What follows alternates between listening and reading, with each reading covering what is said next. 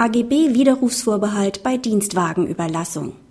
Ein Widerrufsvorbehalt, der den Entzug des Rechts zur Nutzung eines Dienstwagens in das alleinige wirtschaftliche Ermessen des Arbeitgebers stellt, hält einer AGB-Kontrolle nicht stand. Der zwischen den Parteien bestehende Arbeitsvertrag sieht vor, dass der Arbeitnehmerin ein Dienstwagen gemäß der Konzern Car Policy in der jeweils gültigen Fassung zur Verfügung gestellt wird. Die Konzern Car Policy sieht vor, dass Maßstab für die Überlassung von Dienstfahrzeugen eine regelmäßige Überprüfung der Wirtschaftlichkeit der Überlassung ist. Fallen die Voraussetzungen für die Überlassung weg, hat der jeweilige Entscheider dafür Sorge zu tragen, dass die Überlassung des Fahrzeugs widerrufen wird. Als die Arbeitgeberin unter Hinweis auf eine durchgeführte Wirtschaftlichkeitsüberprüfung den Dienstwagen von der Arbeitnehmerin zurückverlangt, klagt diese auf Zahlung einer entsprechenden Nutzungsentschädigung. Das BAG gibt der Arbeitnehmerin Recht. Die Arbeitgeberin hat die Überlassung des Dienstwagens nicht widerrufen. Der in der Konzern Car Policy enthaltene Widerrufsvorbehalt hält einer AGB-Kontrolle nach 308 Nummer 4 BGB nicht stand. Danach ist die Vereinbarung eines Widerrufsrechts zugunsten des Arbeitgebers nur zumutbar, wenn es für den Widerruf einen sachlichen Grund gibt und dieser Grund bereits in der Änderungsklausel beschrieben ist.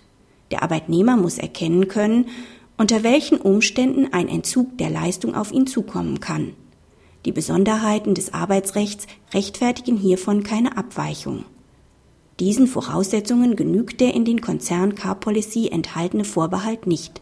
Danach wird die Überprüfung der Wirtschaftlichkeit in das jeweilige Ermessen des Entscheiders gestellt, ohne dass die Grundlagen oder Grenzen der Beurteilung näher aus der Vereinbarung ersichtlich sind.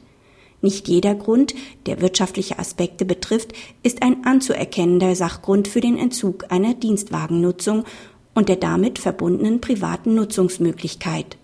Nach dem Wortlaut der Konzern Car Policy wäre es dem Arbeitgeber jedoch möglich, einen solchen Entzug unter sämtlichen denkbaren Gesichtspunkten anzuordnen, die in irgendeinem Zusammenhang mit der Lage des Unternehmens oder Marktaspekten stehen und die es aus der subjektiven Sicht des Arbeitgebers nicht mehr sinnvoll erscheinen lassen, einen Dienstwagen zur Verfügung zu stellen. Dagegen wäre es für einen Arbeitnehmer typischerweise unzumutbar, einen Entzug hinzunehmen, solange der Dienstwagen für die konkrete Tätigkeit noch gebraucht wird und die Kosten für einen Mietwagen nicht geringer sind.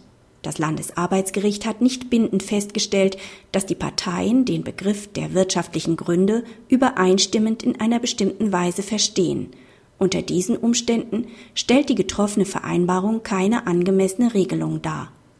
Kritik die Entscheidung überrascht angesichts der Tatsache, dass das BAG in seiner grundlegenden Entscheidung zur Zulässigkeit von Widerrufsvorbehalten die Angabe der Richtung, aus der der Widerruf möglich sein soll, ausreichen lässt. Dabei könne auch der Hinweis auf wirtschaftliche Gründe die nach der vorliegenden Entscheidung gerade keine hinreichende Konkretisierung des erforderlichen Sachgrunds darstellen, für einen Widerruf der Leistung ausreichen. In beiden Fällen waren unterschiedliche Senate für die Entscheidung verantwortlich